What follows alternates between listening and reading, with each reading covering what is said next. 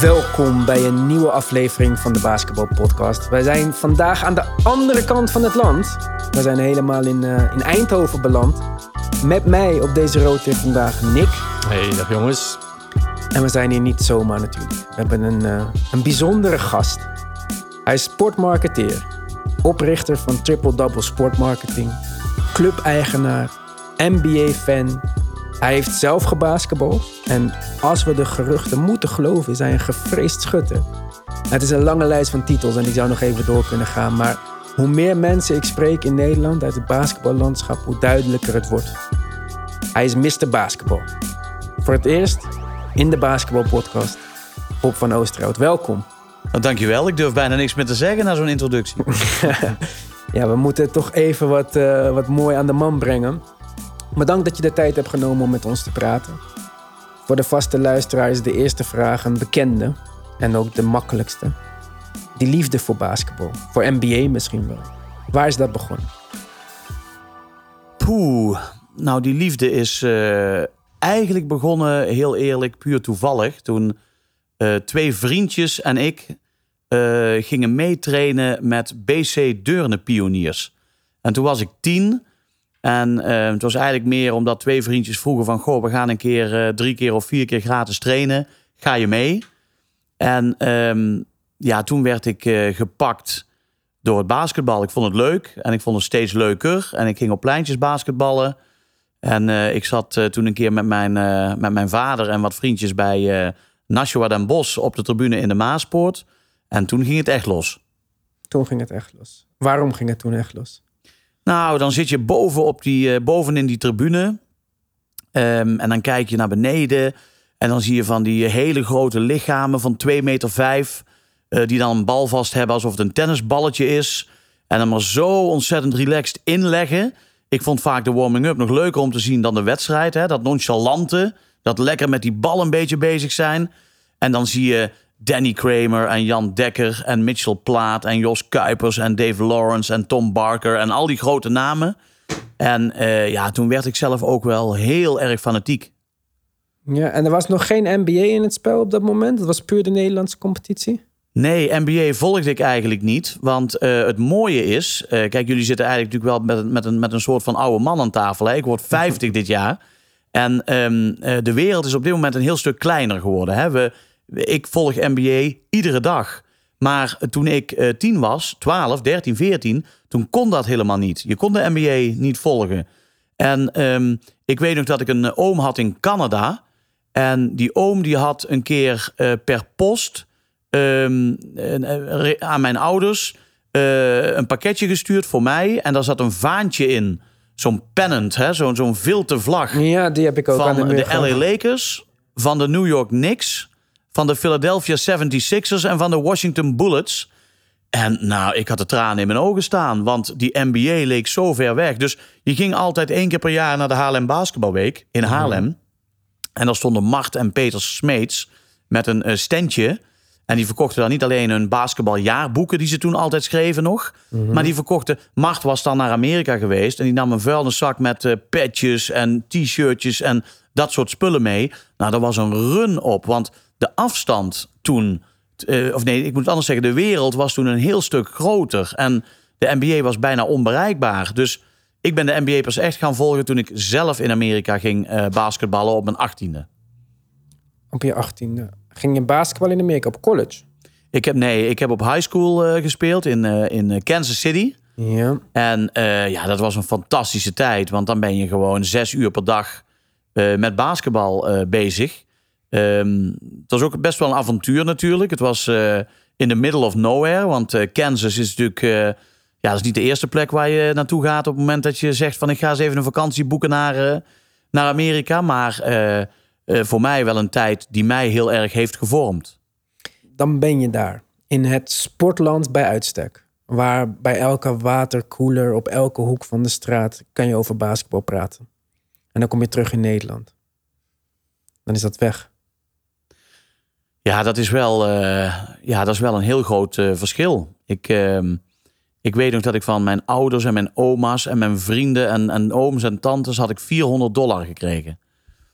400 dollar om, eh, als zakgeld voor in Amerika. Ik weet nog dat dat een mega budget was. Als ik er nu aan terugdenk, dan denk ik 400 dollar. Zoveel is het helemaal niet, hè? Maar ik had 400 dollar en ik, eh, die heb ik er in een dag eh, doorheen gejaagd. Want ik werd helemaal gek. Ik kwam in een shoppingmall en daar, daar hingen shirtjes van de Detroit Pistons, Motor City Bad Boys en patches. En ik kwam in een supermarkt en daar hadden ze in een kauwgomballenautomaat American football helmpjes. En die moest ik ook allemaal hebben. Dus ik, ik was, ik, ik- die, die hele passie voor sport in die Amerikaanse cultuur. Ja, daar ben ik zo enorm door gegrepen. Ik denk ook, als ik heel eerlijk ben, dat dat de basis is eh, geweest uiteindelijk voor Triple Double. Mijn, mijn bureau, dat ik, dat ik die, die, die passie voor sport, maar ook in combinatie met hoe het in Amerika wordt georganiseerd. En dat het daar gewoon één grote entertainment-industrie is geworden. Ja, die was voor mij, eh, daar ben ik eh, gevormd. Maar je hebt helemaal gelijk, terugkomend op jouw vraag.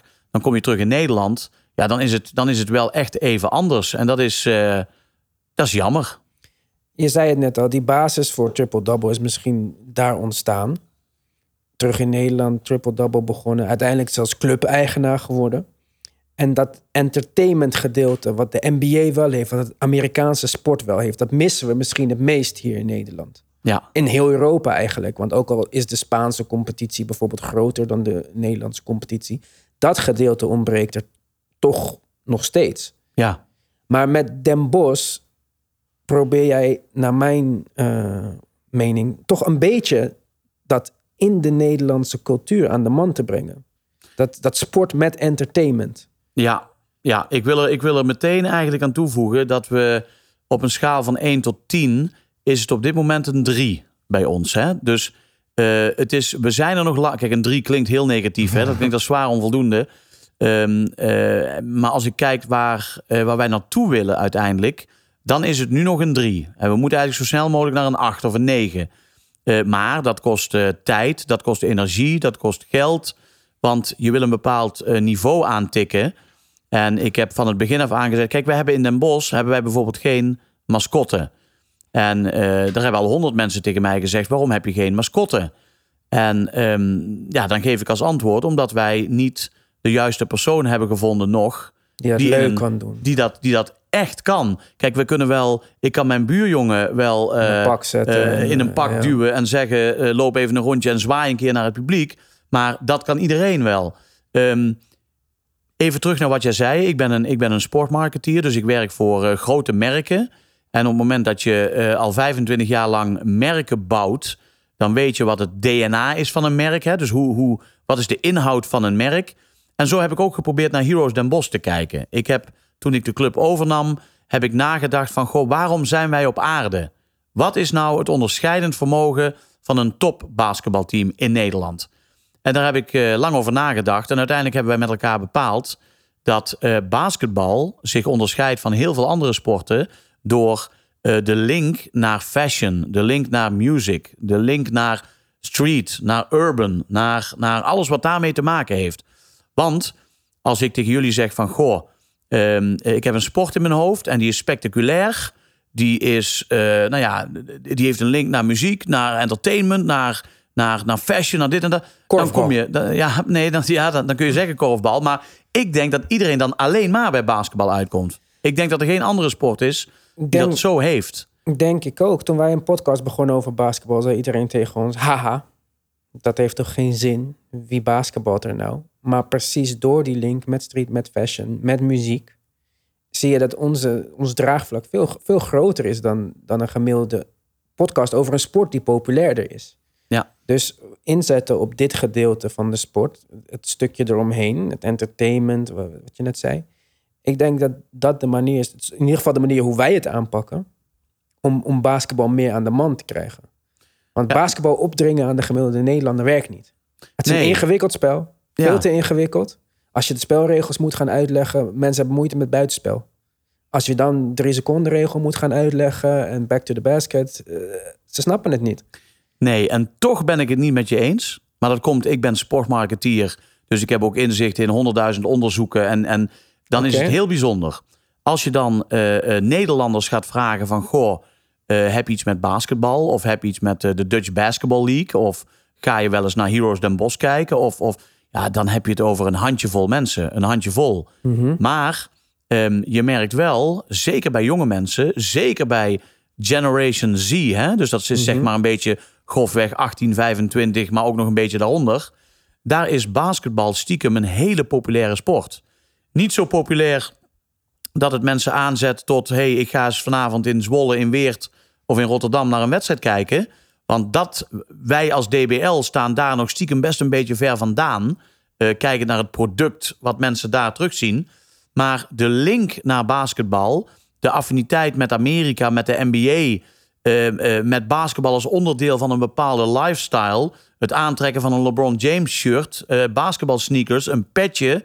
Um, dan moet je niet schrikken. Dan zijn er, dan zijn er meer dan, uh, nou, grofweg tussen de 1,8 en de, en de 2,2 miljoen mensen in Nederland. die dan best iets met basketbal hebben. En als je dan vraagt van noem even alle ploegen in de DBL, haken ze allemaal af. Dat kunnen ze niet. Maar ze hebben wel een affiniteit met deze sport. waar we eigenlijk iets mee zouden moeten doen als basketbalcommunity. Maar dus die, die, die Generation Z, die op Instagram leven voor 30% van hun uh, Ja. dag. Die James Harden volgen en Russell Westbrook voor de fashion, misschien voor de sneakers. Ja. Die de Kardashian geaffilieerde mensen volgen.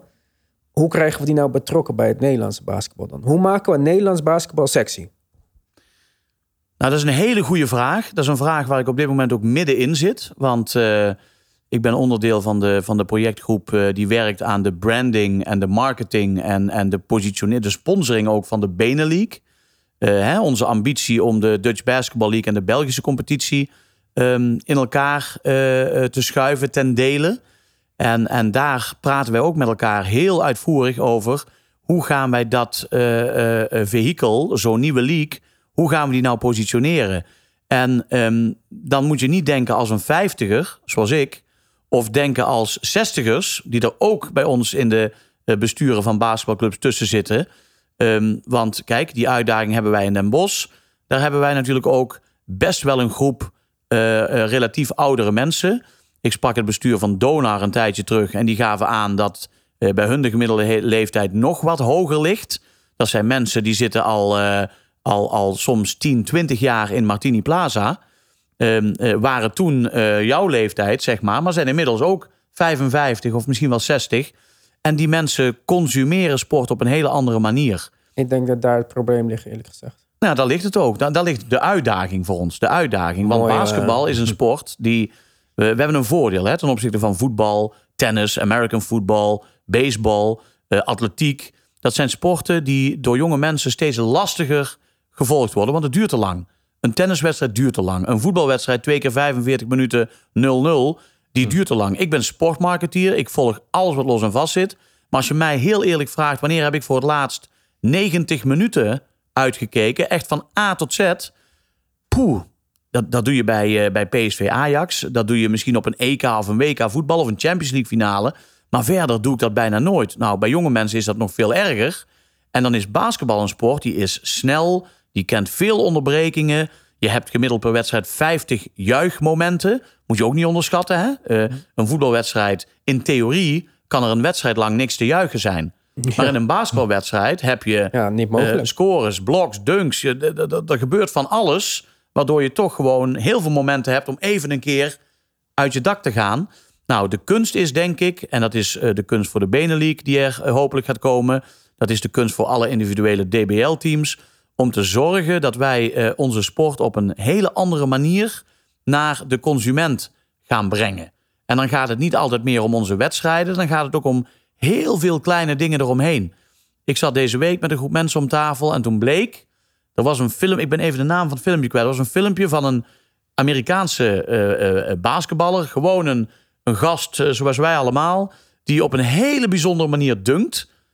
twee keer onder zijn benen door. Jordan en nog een Kilgannon? Keer, ja, ik twijfel. In, in, gewoon in zo'n stoffig high school uh, gym. Mm, Okay. Uh, niks spannends. Maar dat filmpje was in die periode beter bekeken dan alle NBA-games bij elkaar opgeteld.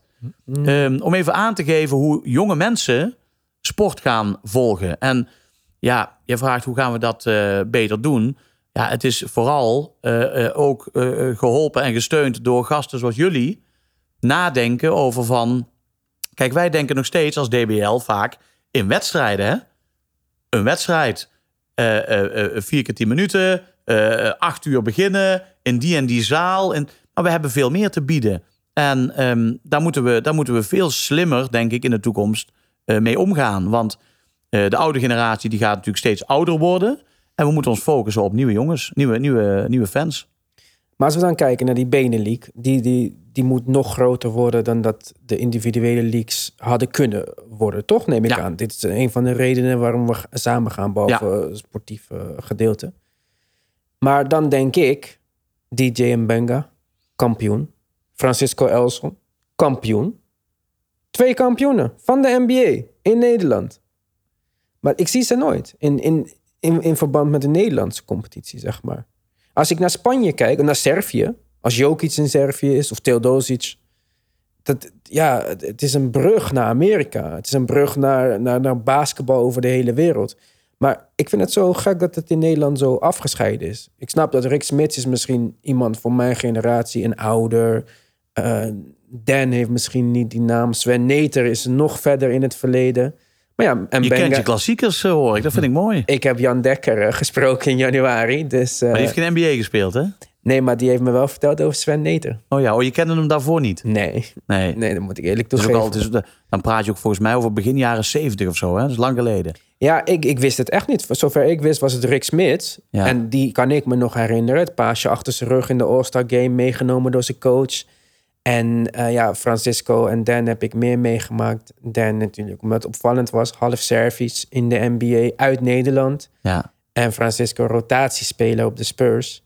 DJ Benga was ik vergeten totdat ik Nick tegenkwam. Die heeft me even herinnerd dat België ook eh, En terecht. Ja. eh, basketballers heeft. Maar ja, dat zijn wel twee kampioenen. ja. Kunnen die iets betekenen voor, voor deze nieuwe? Ja, 100 procent. 100 procent. Dit zijn natuurlijk allemaal dingen die in het verleden, als je heel eerlijk bent, ehm, eh, nooit super geregeld zijn geweest. Er is ook altijd een soort haat-liefde verhouding geweest tussen eh, topbasketballers en, en, en, en de Nederlandse Basketbalbond bijvoorbeeld. Hè. Dat was ook niet altijd super. Ik weet ook dat. eh, ik heb hier met Francisco ook wel regelmatig over gesproken hoor. En er zijn in het verleden ook dingen naar hem toe gewoon niet goed gegaan vanuit de bond. En dat heeft alles te maken met het feit dat wij in Nederland eh, vaak op het niveau van een sportbond ook niet altijd goed met onze helden kunnen omgaan. Hè? Dat, dat, dat zit ons minder in het bloed. Met voetbal wel, Eh, toch? Nee, in het voetbal Ook ook niet? Nee, nee, nee, nee. Dat is, eh, dat is echt iets typisch Nederlands. Ehm eh, Doe maar daarom- gewoon, dan doe je al gek genoeg. Een beetje dat, principe. dat. En, en dan kom je als eh, topbasketballer uit het buitenland. En daar heb je heel veel respect en waardering gehad voor wat je gepresteerd hebt. En dan ehm, eh, kom je in Nederland en hoor je eerst hele lange tijd niets. En dan komt er eens een keer iemand met je praten. En die zegt van, ja, interessant, interessant. Ik kom binnenkort bij je terug. En vervolgens hoor je weer een jaar niets. En ja, dan gaat de lol wel van af. En eh, overigens, ehm, ik denk, als ik heel eerlijk ben, dat wij in Den Bosch daar wel eh, on-Nederlands goed mee bezig zijn. Want een van de eerste dingen die ik bij Heroes ben gaan doen. Hè, het is niet voor niets dat wij ook voor die naam gekozen hebben. Hè. Wij zijn natuurlijk ook Ja. een, een club die nu deze naam heeft gekozen en deze naam aan het branden zijn. Ehm, ik heb voor die naam gekozen omdat wij in Den Bosch de grootste basketbalhelden van Nederland altijd hebben gehad. En eh, ik ben er ontzettend trots op dat die mannen allemaal weer stap voor stap bij de club betrokken zijn. Eh, wij speelden een wedstrijd tegen Zwolle. Die legden wij toen in eigen huis eh, over de knie. Was wel heel erg mooi, want ze waren natuurlijk de landskampioen. En toen keek ik om me heen en de sfeer was fantastisch in de Maaspoort. was lekker vol. En toen keek ik om me heen en toen zag ik eh, eh, de twee akerbomen zag ik zitten. Eh, Henk Pietersen zat met Dino Bergens op de tribune. Jos Kuipers gaf commentaar voor onze livestream. Rinus de Jong, de godvader van het Bosse basketbal, zat naast mij. Achter mij zat Theo Kropman op de tribune. Lang verhaal kort, al die iconen van de club... die vinden het weer leuk om naar de Maaspoort te komen. En dat vind ik zelf heel belangrijk. Hè. We hebben ook iets van 16 banners in onze hal hangen... eh, eh, met onze helden erop.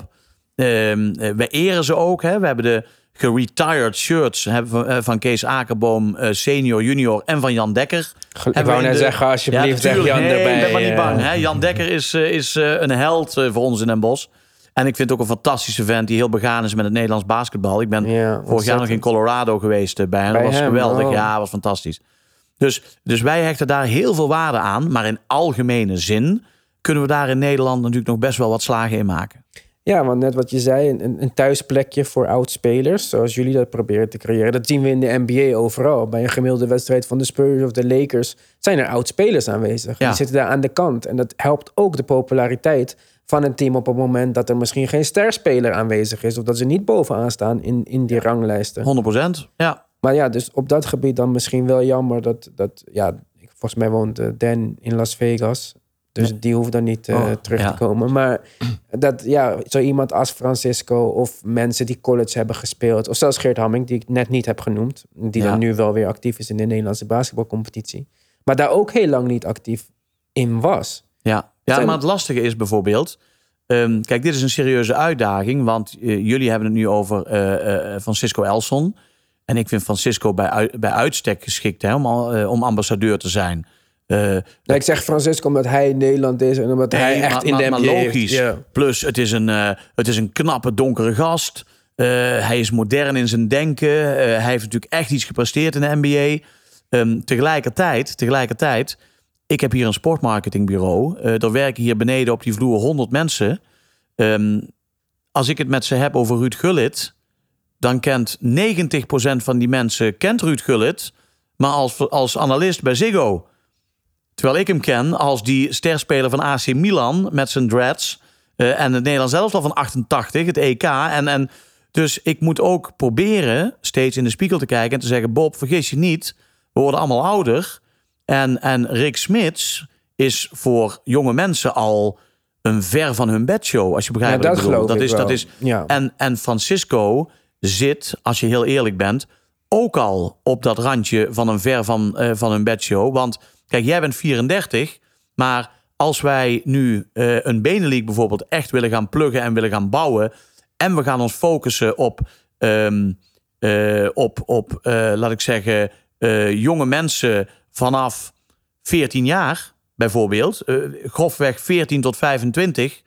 Dan um, kun je Francisco nog heel erg super gebruiken, omdat hij nog een, een goede, gave basketbaluitstraling heeft. Hè? Hij is hij is, uh, wat ik al zeg, hij ziet er goed uit, getraind, mooi. Maar het grappige is, uh, ik vertelde u net over uh, Theo Kropman. Die zit in de Maaspoort altijd achter mij. En Theo Kropman was na Jan Dekker, Danny Kramer, Mitchell, Mitchell Plaat... een van de allerbeste guards van Nederland in die periode.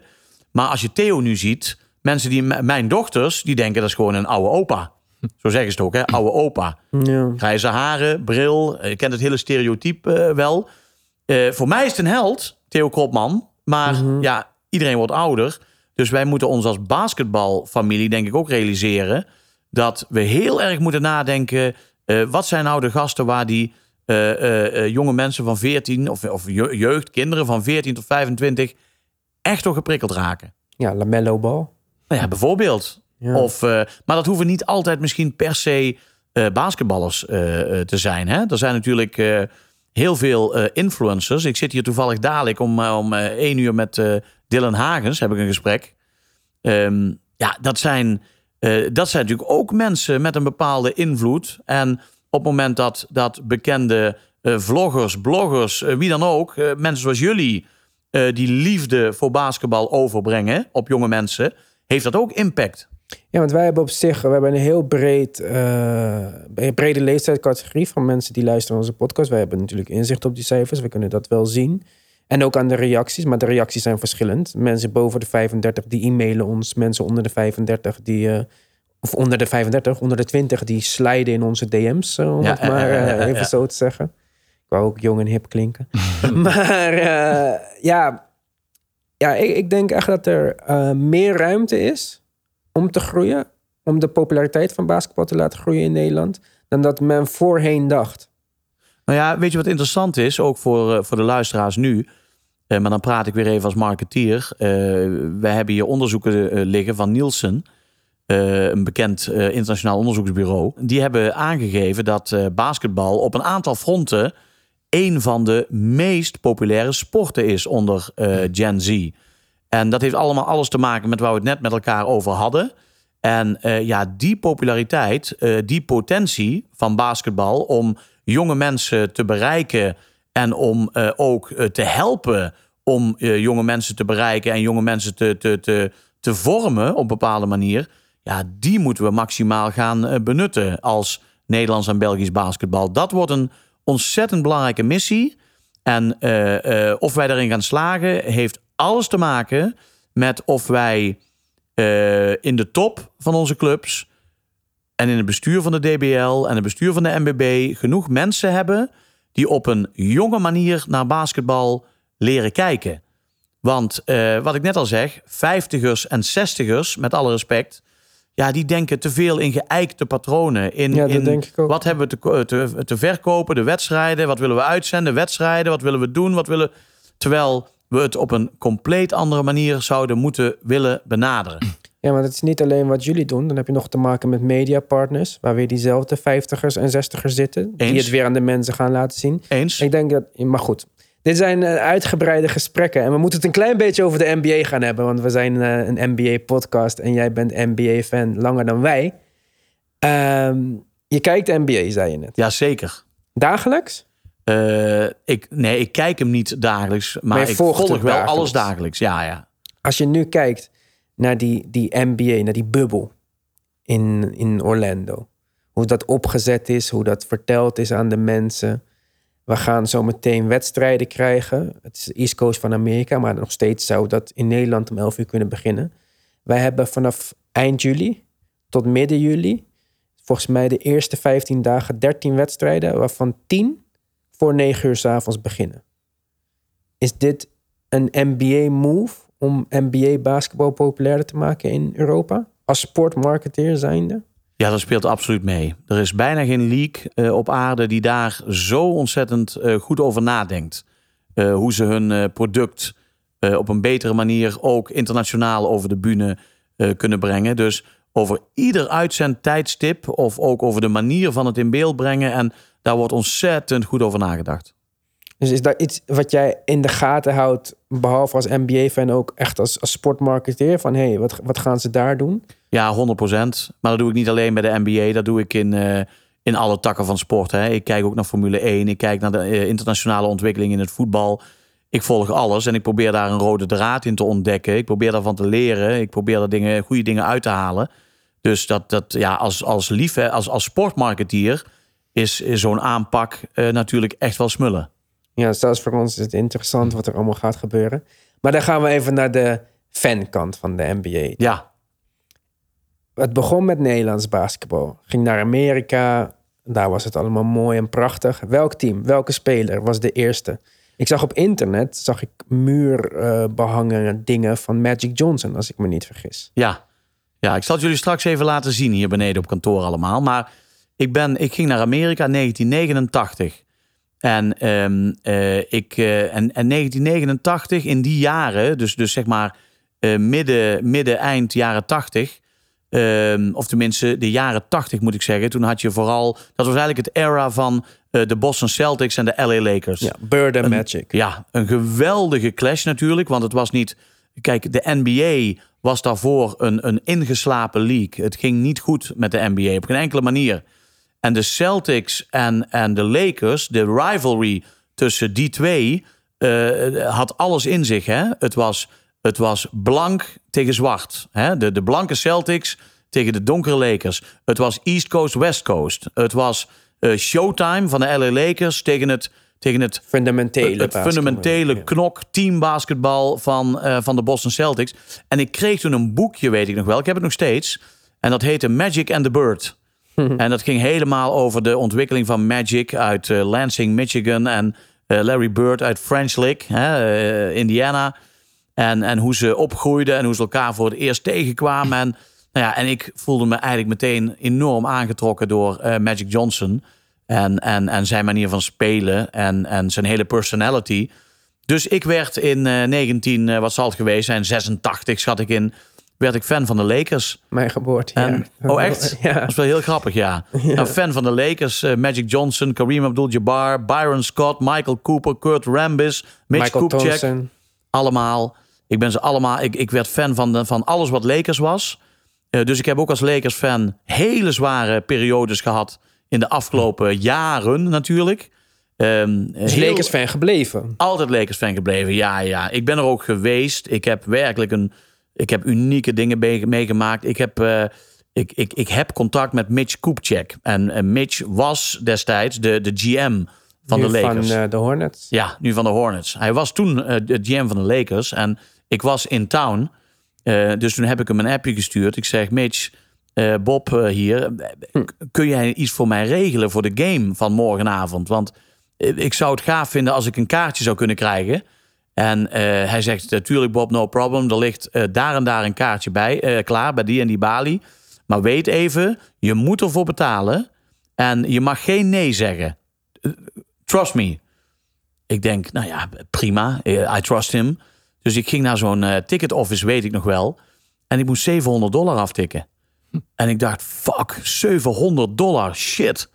Maar ja, ik, ik dacht, ik ga ook geen, geen cheap ass eh, zijn. Want hij heeft iets voor mij geregeld, kennelijk. En En iets moois. ja, dus ik heb 700 dollar eh, afgetikt, weet ik nog wel. Rip uit mijn lijf toen. En ik kwam in het, eh, in het Staples Center.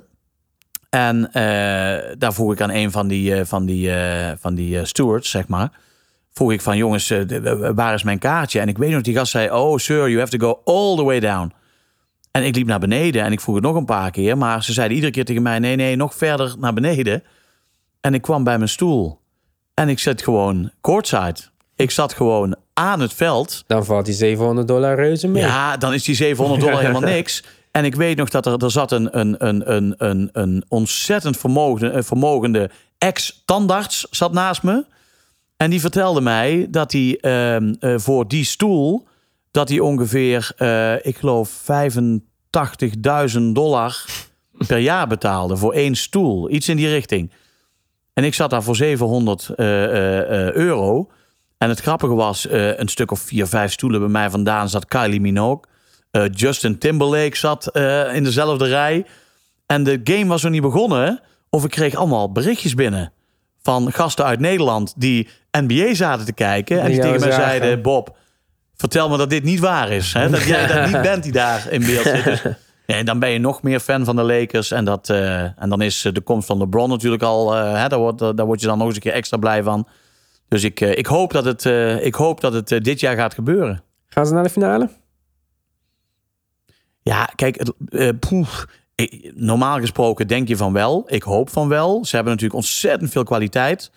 Ehm, ze hebben, ehm, ik, kijk, ze hebben heel veel wedstrijden in de NBA gewonnen. eh, waarvan je denkt van, ja, die win je ook op klasse, die win je ook op kwaliteit. Ehm, ik ben er wel van geschrokken. Als ik kijk naar de wedstrijd die ze hebben gespeeld tegen de Clippers, die vond ik eigenlijk geen van alle goed. En dan denk ik van, je kunt één keer eh, eh, met kerst bijvoorbeeld een uitglijertje maken. Maar dan moet je het wel die keer daarna even rechtzetten. Maar dat gebeurde ook weer niet. Dus ik, ik, ze, moeten, ze, ze moeten wel nog laten zien in de wedstrijden waar het echt om gaat. En eh, ja, dan, dan, dan zeg ik meer van ja, ze halen de finale ook omdat ik het hoop. Ja, want het is een hele slechte matchup voor de Lakers, de Clippers. Ja, Je moet groot blijven, anders loopt Montrez over je heen. Jouw twee beste spelers worden verdedigd door twee van de beste verdedigers in de NBA. Je mist Rondo, je mist Avery Bradley.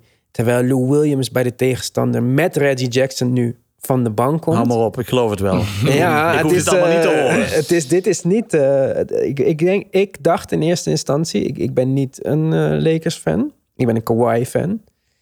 En ik heb de Lakers getipt voor de finale. Het is wel opvallend wat je nou zegt, hè? want di- dit gesprek heeft natuurlijk een, een marketingcomponent. En eh, het is grappig wat jij zegt. Je bent geen Lakers-fan, maar een Kawhi-fan. Ehm, eh, wij zien dus ook steeds meer gebeuren. Kijk, ik werd in 86 fan van de Lakers en ik ben het nog steeds. Ongeacht wie er speelt. Ja. Ehm, wat je tegenwoordig ziet bij, bij, bij modernere... Nee, ik moet niet zeggen modernere. Maar jonge mensen, die zijn veel meer fan van een atleet. Van een, sport, van een basketballer. Als je weet wie iemand zijn eerste team was, dan... ja, eh, kijk, want dan dat verklaart meer waarom ik nooit meer fan ga worden van een team. Tell me. Ik eh, ben in 1999. Ik bedoel, toen ik klein was, was het Michael Jordan. En zover ik de NBA kon volgen, dit was het enige wat ik wist. Ik had videobanden, Come Fly With Me, His Airness. Dus het was Michael Jordan, Michael Jordan, Michael Jordan. In 1999 stond in de finale tegen de Spurs, die ik destijds heel saai vond, de New York Knicks. En ik dacht, wauw, Spreewell, dit was mijn speler. De Knicks. Ik werd fan van de Knicks. 19 jaar lang. Waarvan, Ben ik overigens stiekem ook geweest een tijdje. In welke Nou, jaren? Dat was in de jaren met eh, Ewing, Oakley, Starks. Mid eh, 90, ja. zeg maar. Toen, ja. toen, ben ik, toen heb ik ook wel echt even iets met de, met de Knicks gehad. ja, en ik heb dus de, die goede periode overgeslagen. En ik ben ingestapt op het hoogtepunt, die finale. En vanaf daar was het bergafwaarts en 19 jaar ellende en verdriet. En toen dacht ik op een gegeven moment, als trouwe fan, was ik nog steeds 82 wedstrijden per jaar aan het kijken. Van een team die elke avond kansloos van de vloer werd gespeeld. En toen dacht ik, nee, dit, eh, dit wordt hem niet. En toen zei Mart tegen mij, je kan niet partijdig zijn. Als je iets objectief wil bekijken, moet je geen voorkeuren hebben. Dus toen dacht ik, nou, ik ga alles kijken. Ben ik verliefd geworden op een paar spelers. Als ik Kawhi zie spelen, dit is voor mij de Michael Jordan van deze tijd. Misschien klinkt het gek, omdat Michael Jordan zo expressief was en Kawhi zo rustig is. Maar zijn midrange game, zijn jumper, zijn defense. Voor mij zijn hij de meest complete spelers sinds Kobe, sinds Michael. Een wing-speler. En eh, ja, vandaar dat ik een, ja, een soort liefde heb ontwikkeld voor Kawhi. Ik snap het wel hoor. Ik, ik, ik vind Kawhi ook fantastisch. Ik had. eh, eh, ja, je wilde er ook bijna niet meer over nadenken wat er gebeurd was als hij inderdaad ook die keuze had gemaakt voor de Lakers. Dan was Ja. het.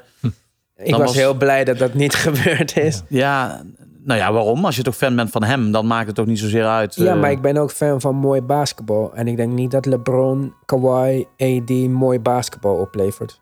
Wat wordt dat dan? Nou ja. Zeven jaar op rij kampioen? Dat is Kijk. voor mij niet interessant. De Warriors voor mij, met KD, Steph en Clay, als ze niet geblesseerd waren, was ook niet interessant. Ik had het op een gegeven moment wel gezien. Ja, leuk. Ja, dat snap ik wel. Dat snap ik wel. Het Weet je wat ik wel grappig vind aan Kawhi? Want ik, ik, ik snap jouw, eh, jouw fanship. Eh, ik vind hem ook fantastisch. Hij is fantastisch. Hè? Ik bedoel, niemand kan iets anders zeggen. Ehm, je vergeleek het net even met, eh, wat zei je? De volgende Jordan? Of de, de, Ja, de, de Michael volgende... Jordan, Kobe, hij is die voor mij. Ja, maar da- dan, dan, dan vind ik wel, dan, dan is Kawhi wel echt beduidend minder mooi dan Jordan en Kobe. Hè? Jordan en Kobe hadden een smoothness in hun game. Die heeft Kawhi wel echt minder.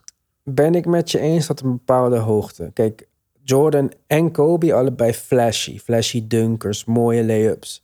Maar als je kijkt naar de midrange game, als, als liefhebber van basketbal, praat er niet als sportmarketeer, liefhebber voor basketbal, ga kijken naar, naar hoe Kawhi tegenover zijn tegenstander staat. Als ik hem zie staan tegen een andere verdediger en hij kijkt en hij leest jabstep, beweging, schouder, kijken, wat doet hij? Dat is voor mij net zo mooi als die flashy dunk. En dat is misschien heel puristisch gezien basketbal kijken. En ik snap, als het jouw cliënt was, dat het een ramp zou zijn om deze man eh, te promoten. Maar puur qua basketbal, ik vind zijn verdediger zelfs mooi. Ik Ja, vind dat, nou- een, dat een ballet op zich.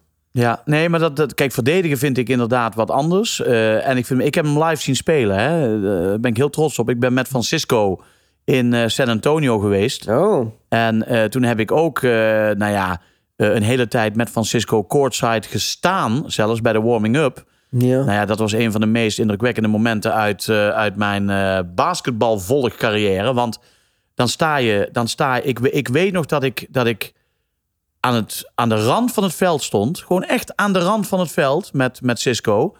En dat ehm, eh, Kevin Durant zijn eh, warming-up aan het doen was. Eh. Het was nog in het jaar dat Kevin, dat Durant bij Oklahoma City speelde. Met Westbrook en, En met Harden. Harden. En toen was het, volgens mij waren het de Western Conference semifinals, denk ik of zo. Denk ik. Maar ik stond met Francisco te praten en ik keek zo naast me. En daar stond, waar, waar jij nu zit, stond Kevin Durant drie punten te schieten. meter. In zijn, ja, anderhalve meter, keurig anderhalve meter, stond hij eh, te gooien. En dan staat er zo'n gast, nou ja, ik schat hem in op eh 2 meter 8, iets in die richting. Ehm, en de souplesse en het gemak waarmee hij de een na de andere bal stond te gooien. Dan realiseer je pas wat een ongelofelijke atleten die NBA-spelers tegenwoordig zijn. Want kijk nou naar LeBron James, hè, een van mijn Mhm. favoriete spelers.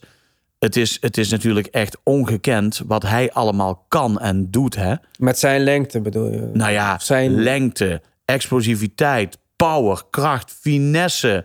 Ehm, een seizoen beginnen ook nog eens een keer dit jaar. En dan zeggen van nou weet je wat jongens, laat mij eens even lekker op de point eh, gaan spelen. En dan de NBA leaden in assists. Ja, dat vind ik wel echt van een absurd hoog niveau. Ja, over zijn fysieke vorm heb ik ook nooit wat negatiefs gezegd. Ik denk dat hij misschien ja, de meest indrukwekkende atleet aller tijden is. Ja, Iemand zo groot en nog zo snel en zo'n goede balhandling. Dat, dat is echt uniek. Zelfs KD is wel lang, maar dat is het ook lang. Hij Ja. is niet breed. Hij is, hij is niet... Ja, hij is natuurlijk sterk, vast en zeker. Nee, en LeBron, Le- Le- ik ga je vertellen, LeBron is de basketballer van de toekomst. Ehm, en daar bedoel ik mee te zeggen, eh, we hadden het net over onze gezamenlijke vriend Jan Dekker. Eh, Jan Dekker komt uit een tijdperk. Hè. Ik, ik, ik ben gaan basketballen toen hij eh, mijn voorbeeld was, bij wijze van spreken, in Den Bosch. En toen was een spelverdeler, die was 1,75 meter. Ik had het er gisteren met Kees Akerboom junior nog even over. Die was bij ons op kantoor in Den Bosch, omdat Ton Boot kwam. En die twee hebben met elkaar samengewerkt in Groningen. Ehm, en toen had ik het met Kees nog even over. Dat in die tijd, dan zie je video's terug van het grote Nashua Den Bosch. En dan komt Jan Dekker opdribbelen. ja, want hij is 1,75 kleiner dan mij meter, volgens mij. Ja. Metertje binnen de driepuntslijn. eh drie vingertjes omhoog. Van jongens, dit gaan we spelen. Eh, bal naar de wing, terug. Andere kant, terug. Het is niet te ge- vergelijken met wat er nu gebeurt. Toen had je een spelverdeler, was 1,75 meter. Je had de center, die was 2,10 meter. Eh, die had allerlei motorische problemen. en die stond gewoon pats daar onder de ring eh, geposteerd. Deed bijna niks anders. En ik weet nog dat ik jaren later in de Horstakker in Nijmegen... zag ik het Nederlands team spelen tegen Bosnië. Weet ik nog wel. Tegen Bosnië-Herzegovina, denk ik. En eh Bosnië kwam het veld in. En ik, ik chargeer nu. Maar daar kwamen vijf Bosniërs. En die waren allemaal 2 meter 2. Allemaal. De een en de ander. En dan denk je bij jezelf, even kijken hoe zij gaan spelen. Wie gaat wat doen? En in aanval 1 bracht de ene 2 meter 2 lange Bosnier de bal op. En de andere die stond met zijn rug naar de basket. En een aanval later was net andersom. En, de- en, en bracht die andere gast de bal op. En die schoot er een driepunter. En toen dacht ik van, poeh, deze sport gaat zich wel evolueren nu. Ja, we en als je bij... gaat zien wat LeBron doet... Ik denk dat als wij eh, over tien jaar naar de NBA kijken... dan, dan ehm, eh, is iedere speler mega atletisch. Dan, kan, dan kunnen ze allemaal schieten. Dan kunnen ze allemaal... eh, nou ja, dan, dan, dan, dan krijg je een ander type basketbal. Komt de, de postgame, komt die nog terug, denk je? Of, is die, of verdwijnt die uit de sport? De post Nou, dat is een goede vraag. Hè? Dat is een goede vraag. Want het is wel een soort van onderschat fenomeen. Een beetje aan het worden. Ja. Hè? Want Ja, eh, wij zijn nu met Den Bos ook bezig met het. eh, wij zoeken ook nu naar, eh, naar nieuwe spelers voor het komend seizoen. Dus ik zie ook per week, weet ik hoeveel flitsen voorbij komen van Amerikanen waar wij naar kijken. En je zoekt natuurlijk tegenwoordig steeds meer naar spelers die een driepunter kunnen schieten. Eigenlijk zou je het liefst willen dat iedereen een driepunter kan schieten. En er zijn ook steeds meer Amerikanen die een driepunter kunnen schieten. Behalve Maar Ben vervolgens. Hm? Simmons. Behalve Ben Simmons. Ja, nee, ik kan er nog wel een paar noemen hoor. Want ik, of ik kan je een paar video's laten zien van. Amerikanen die die kunnen. Maar ik bedoel te zeggen, eh, eh, je ziet eigenlijk nu steeds meer dat ze wel die driepunter kunnen schieten. Maar niet meer fatsoenlijk met een rug naar de basket eh, kunnen spelen. Dus je hebt wel een terecht punt. Ehm, eh, het zijn iedere keer cycli, hè? ontwikkelingen. Ja, het gaat ja. nu weer heel erg naar schieten toe. En je krijgt dadelijk weer die correctie. Waarin eh, eh, spelers die, dat, die, die dit allebei beheersen weer veel aantrekkelijker worden. Dus je hebt wel een terecht punt hoor. Ja. Goed, finale dit jaar. Lakers tegen? Eh poeh. Ja, dan ben ik toch wel geneigd te zeggen Milwaukee. Milwaukee. Oké. Je kijkt me aan alsof ik iets heel raars roep nu. Het gaat hem niet worden, maar daar komen we op terug. Ik zie eh, een eh, charmante dame hier staan en die kijkt mij heel boos aan toen jij mij aankeek. Dus eh, Nee, dat, zo, zo kijkt Merlin altijd. Maar er is niks aan de hand, Merlin. We hebben alle tijd. Het komt helemaal goed. ja. MVP. Kijk, als de Lakers, ehm, als de Lakers de titel winnen, wat ik, wat ik hoop, en wat natuurlijk ook gewoon in alle eerlijkheid best een, best een serieuze kans is, dan wordt het LeBron James. Als de Lakers het niet winnen, eh, of niet in de finale zouden staan, dan wordt het Kawhi Leonard, eh for sure. En eh, op afstand gevolgd door, eh eh door Giannis. Giannis. Op afstand, Giannis? Ja, dat denk ik wel. Defensive Player of the Year. Wie wordt dat? Ik zal een paar Ja. namen noemen die nu eh, op de nominatielijst staan. Ik, ik ken er natuurlijk wel een paar. Ja. Maar het, het, het, eh, het wordt natuurlijk toch, als je het, hoe je het ook bent of keert. Hè? Ik zat afgelopen week naar Formule 1 te kijken. Ik ben het voetbal aan het volgen. Gisteren Real Madrid eh, Kampioen. eh, kampioen. En, en eh, het, het, het, het, het, het is, hoe je het ook bent of keert, wordt een rare restart. Hè? Het is toch, het heeft maanden stilgelegen. We spelen zonder publiek. Ehm, we spelen zonder een x aantal spelers, hè? verschillende teams. Waardoor toch weer de, de, de, de dynamiek en de rotatie en alles in een team gaat veranderen. Eh, dus ik merk dat ik toch even dat ik wat terughoudender ben eh, in mijn eh, uitgesproken zijn eh, op het gebied van een MVP of een Defensive Player of the Year. Maar goed, geef me eens drie keuzes. Anthony Davis, Rudy Gobert, Giannis Antetokounmpo. Ben Simmons, Kawhi Leonard. Kijk, ik ben ook wel een enorme fan hoor van, eh van Kawhi's defense. Dat vind ik ook wel een, een, een, een, een power, een power D om, eh, om te zien. Maar goed, ik, eh, heel objectief zeg ik Anthony Davis. Ja, heel objectief. Zeker. Ehm, most improved. Ehm, let me choose. Bam Adebayo. Brandon Ingram. Hebben we nog een derde, Nick? Pascal Siakam. Nog een keer? Ja. Zou die de eerste worden Ja, die nu het is twee hij, keer op eh, rij doet? Luka Doncic. Nee, die Ja. is niet most improved. Waarom is hij niet most improved? Omdat hij... Hij is de wonderboy. Omdat ja, hij dus? vo- Omdat hij vorig seizoen bijna dezelfde skillset Ja, had. hij is En gewoon ik weet- supergoed. Het was even wennen voor mensen dat een Europese speler zomaar die overstap zonder aanpassingsproblemen kon maken naar de NBA. En hij is Rookie of the Year geworden. Jawel, maar de, de geschiedenis die laat wel heel vaak zien dat er een enorm verschil zit tussen het eh, eh, eh, Rookie of the Year worden, wanneer je nieuwkomer bent, wanneer iedereen om je heen nog zegt van hij is jong, hij is nieuw, hij heeft even de tijd nodig om, om onder die omstandigheden te kunnen excelleren. Of, eh, kijk, als je Rookie of the Year bent geweest, dan kijkt de hele wereld in één keer anders naar je. Je wordt anders benaderd door teams, je wordt anders verdedigd, je wordt in de media anders benaderd. Je wordt... En om dan in eh, eh, zijn tweede jaar te laten zien wat hij heeft laten zien.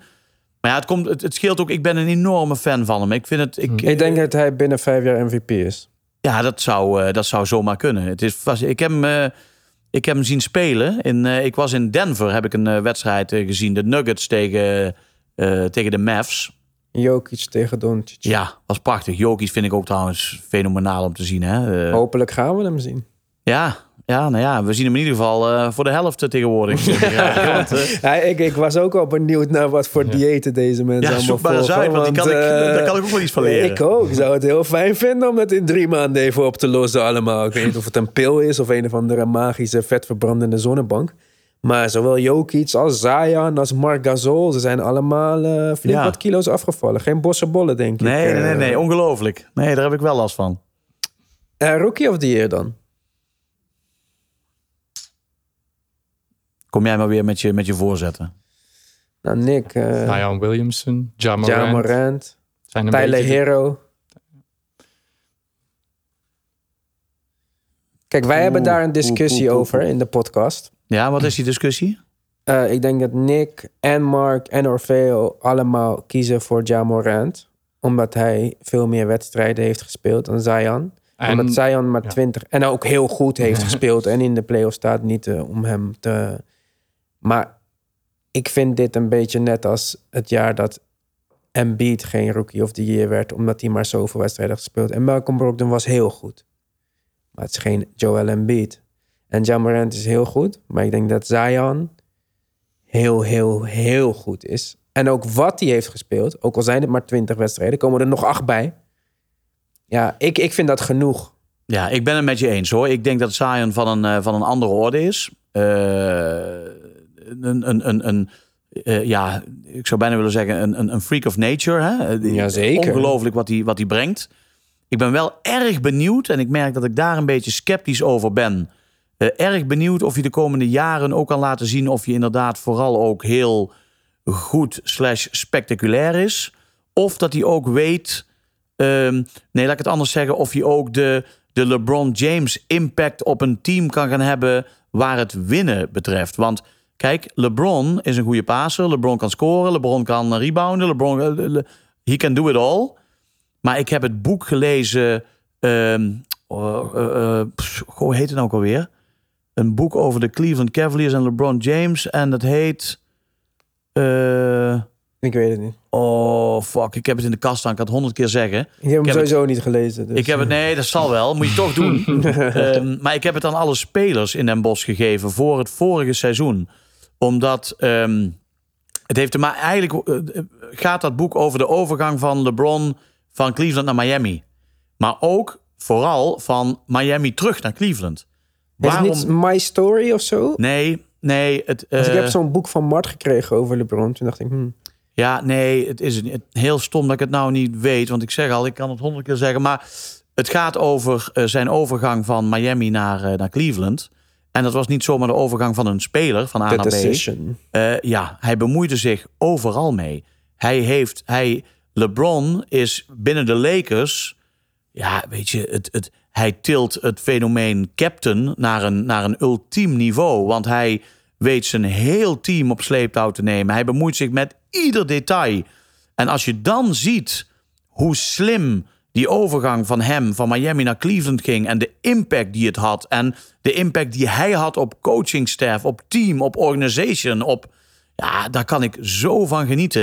Hij nou was coach GM eigenlijk in uh, Cleveland. Nou, hij, hij uh, kijk, hij bemoeide zich met alles, omdat hij ook wel wist dat alles impact had weer op zijn kans om de titel daar in. in, in en, en maar ook op zijn brand. Ik, ik vraag me soms wel eens af of het niet zijn brand is wat nu de eerste prioriteit heeft uh, ingenomen.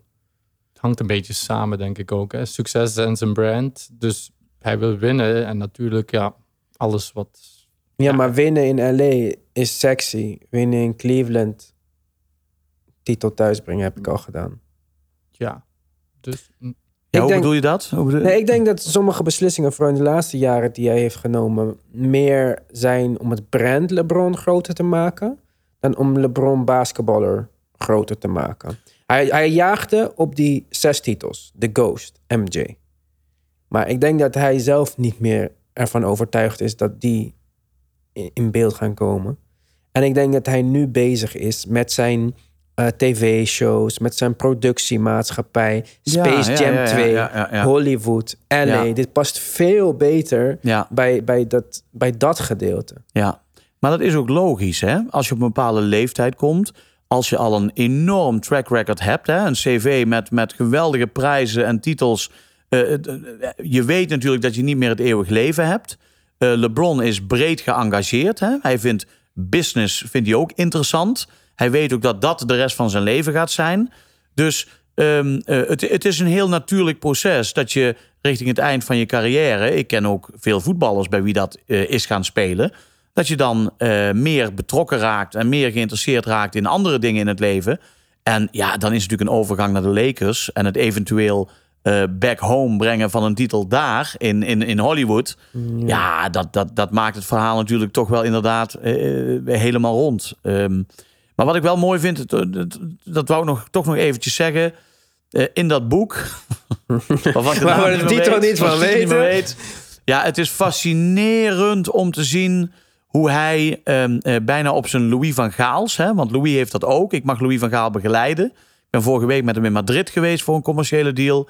Louis is beter dan wie dan ook in staat om toeval uit te sluiten. Maar dan ook echt ieder toeval.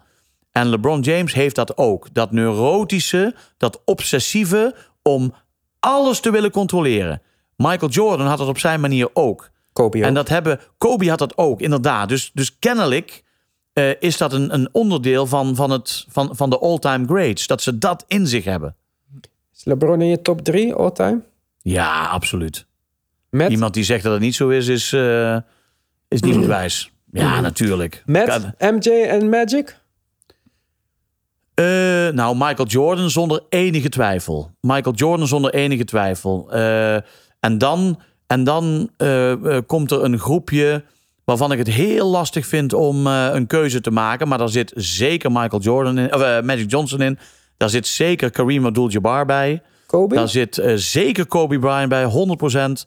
Eh, maar daar zit ook Larry Bird bij. Vergis je niet wat hij met de Celtics heeft gedaan.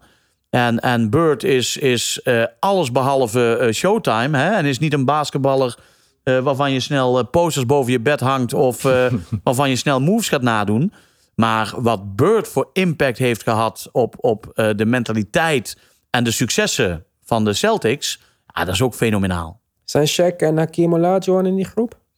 Eh Shaq, eh, zeker. Ja, kijk, ik denk dat Shaq. Ik, heb, ik zat vorige week nog zo'n highlight filmpje te kijken van zijn meest spectaculaire dunks ever. Ah, Hij Ja. is natuurlijk. Ik denk niet dat er ooit eh, een, een, een more dominant eh, five is geweest dan Shaquille O'Neal. Want mensen, echt unstoppable, unstoppable. Ehm, maar Shaq is. ehm, ik denk wel dat Shaq typisch zo'n speler was die een Kobe om zich heen nodig heeft. Ja, maar Ehm, iedereen heeft iemand nodig. Michael Jordan had ook Scottie Pippen nodig. Eh jawel, Zelfs LeBron had Kyrie nodig en Dwayne Wade.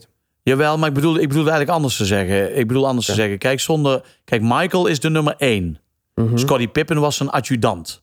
Dus ja. ze hadden elkaar allebei hard nodig. ja. Ehm Shaquille O'Neal is, is ongekend dominant en een geweldige basketballer. En, en staat zeker ook in die, laat ik zeggen, top 8. Ehm, maar zonder iemand als Kobe Bryant, zonder, zonder een, een brein in een ploeg, een leider, eh, ja, dat was hij minder. Als je begrijpt wat ik bedoel. Hij was wel een geweldige speler en heel aanwezig en heel dominant. Maar maar meer een solo act binnen een team. Kobe kan maar. het makkelijker zonder Shaq dan dat Shaq het kan zonder Kobe. Heeft hij ook gedaan zonder Shaq natuurlijk. Ja. Goed, we moeten er eentje kiezen. We gaan hier voor het gebouw een erepodium bouwen. Drie spelers komen erop. Michael Jordan staat daar. LeBron staat daar. En het bronzen beeld is Kobe. Kobe. Mooie keuze, denk ik. Ja, maar dat komt ook omdat ik oprecht denk dat... eh, kijk, we hadden het net... Hij komt iedere keer terug, hè? Onze, onze huisvriend Jan Dekker. Eh, held Jan Dekker. Ehm, ik zit nu wel eens eh, de wedstrijden van Nashua Den Bosch eh, terug te kijken. En ik vertelde jullie aan het begin van deze podcast... dat ik als 12-jarig jongetje op de tribune zat te kijken. En dan zie je dat grote Nashua Den Bosch. En nu kijk ik die wedstrijden terug. En dan denk ik af en toe... Jezus, wat gaat dat traag. Het ziet er niet uit. De tribunes in de Maaspoort die waren niet eens allemaal uit. Er lag geen houten vloer. Eh, het, het, het was van een heel ander atletisch niveau dan nu. En daarom denk ik dat. eh, ik sprak met Louis van Gaal vorige week, dus ik ben een beetje gekleurd. Want we kregen het ook over dit exactzelfde onderwerp. En toen zei Louis: Als ze aan mij vragen wie zijn de beste voetballers. of als ze aan mij vragen, vergelijk die eens met die. eh, hij zegt: Dan kies ik toch altijd voor de voetballers die nu actief zijn. Dus hij zegt: Ik vind Cristiano Ronaldo per definitie eigenlijk beter dan Van Basten. Eh, het was niet een voorbeeld wat hij gaf, maar zo leg ik het nu even uit Ja. omdat, omdat eh, het, het, het huidige atletisch niveau, de kracht, de druk rondom het presteren als topsporter, de media, de, de, het is eigenlijk niet meer te vergelijken met, met 20 jaar geleden. Ehm, en dat maakt voor mij dat Kobe, eh, dat ik Kobe toch net wat hoger aansla, net wat meer credits geef dan, dan Magic, Bird en Kareem. Nou, met die eh, terugkoppeling naar de 12-jarige Bob hebben we de cirkel eh, mooi rondgemaakt voor deze podcast. Of jij moet nog iets kwijt willen aan de luisteraar. Waar kunnen we de Den Bos podcast vinden bijvoorbeeld? Ja, dat is een goeie. Die moeten we eigenlijk gaan maken, want... eh, Ik dacht dat jullie die al maakten. Nee, we hebben dat wel in de, in de, aan het, richting het eind van het seizoen een aantal keer gedaan. Met een aantal, met een paar spelers. Volgens mij uit mijn hoofd een keer of vier of zo. Ik weet dat we er met Thomas van der Mars, Nathan Krill, eh, Elijah Wilson. Ehm, maar we hebben ook tijdens de coronaperiode eh, Heroes Connect gemaakt. Eigenlijk Mhm. gewoon een, een video eh, waarin we een soort van talkshow setting hadden. En iedereen bijpraten over wat er op dit moment allemaal gebeurt. Ehm, en we hebben gemerkt dat er zoveel animo voor was. Ehm, want gemiddeld werd onze, onze podcast, of onze, onze Heroes Connect uitzending, die werden 800, 900 keer bekeken. Dus we hebben wel eh, de intentie om dadelijk in het nieuwe seizoen dit gewoon structureel elke week te doen. En, en zeker geïnspireerd eh, door jullie. Hè? Dus eh, Ik ken nog wel een leuk jong bedrijfje wat misschien met je mee kan denken. nou, dan moeten we eens een keer gaan praten. Moeten we eens een keer gaan doen. Wil ik iedereen bedanken voor het luisteren. En Bob, erg bedankt dat je de tijd voor ons hebt genomen. En dat je ons hebt ontvangen hier in jouw mooie, mooie pand helemaal in Eindhoven. Wij gaan straks ergens een uh, bossenbol scoren en de stad verkennen. Jullie krijgen hier een eh, gezonde lunch eh, van mij aangeboden. En bossenbollen die heb je alleen in een bos en niet in Eindhoven. Ik weet helemaal niks. Ik dacht dat ik iets... eh, Plus, je vroeg net aan mij, wil je, ik wil eigenlijk nog wel één ding toevoegen. En Vertel. dat is het volgende. Ehm, wij houden van deze mooie sport. Hè? Wij allemaal aan tafel. We hebben allemaal onze eigen rol, onze eigen plek. mhm. Ik zou eigenlijk iedereen die luistert willen, willen uitdagen, willen aanmoedigen. Laten we met elkaar er alles aan doen om deze sport ook in Nederland groot te maken. En dat kan eigenlijk alleen maar door eh, eh, eh, er niet alleen eh, over te praten of iets passief te volgen. Maar ik zou iedereen willen oproepen van denk na over manieren, over dingen die je kunt doen. Zoals jullie dat ook doen. Hè? Want jullie dragen ook gewoon bij nu aan de ontwikkeling van de populariteit van basketbal in ons land. Ehm, ik zou eigenlijk aan iedereen willen vragen, steek de handen uit de mouwen en doe iets. Want alleen als we dat allemaal doen, dan gaan we stappen vooruit zetten met deze geweldige sport. Dat denk ik ook. Een goed punt om te beginnen is te luisteren naar de Basketbal Podcast op Spotify. En om een review achter te laten bij Apple Podcast. Bob, nogmaals bedankt. Graag gedaan. Tot een volgende keer.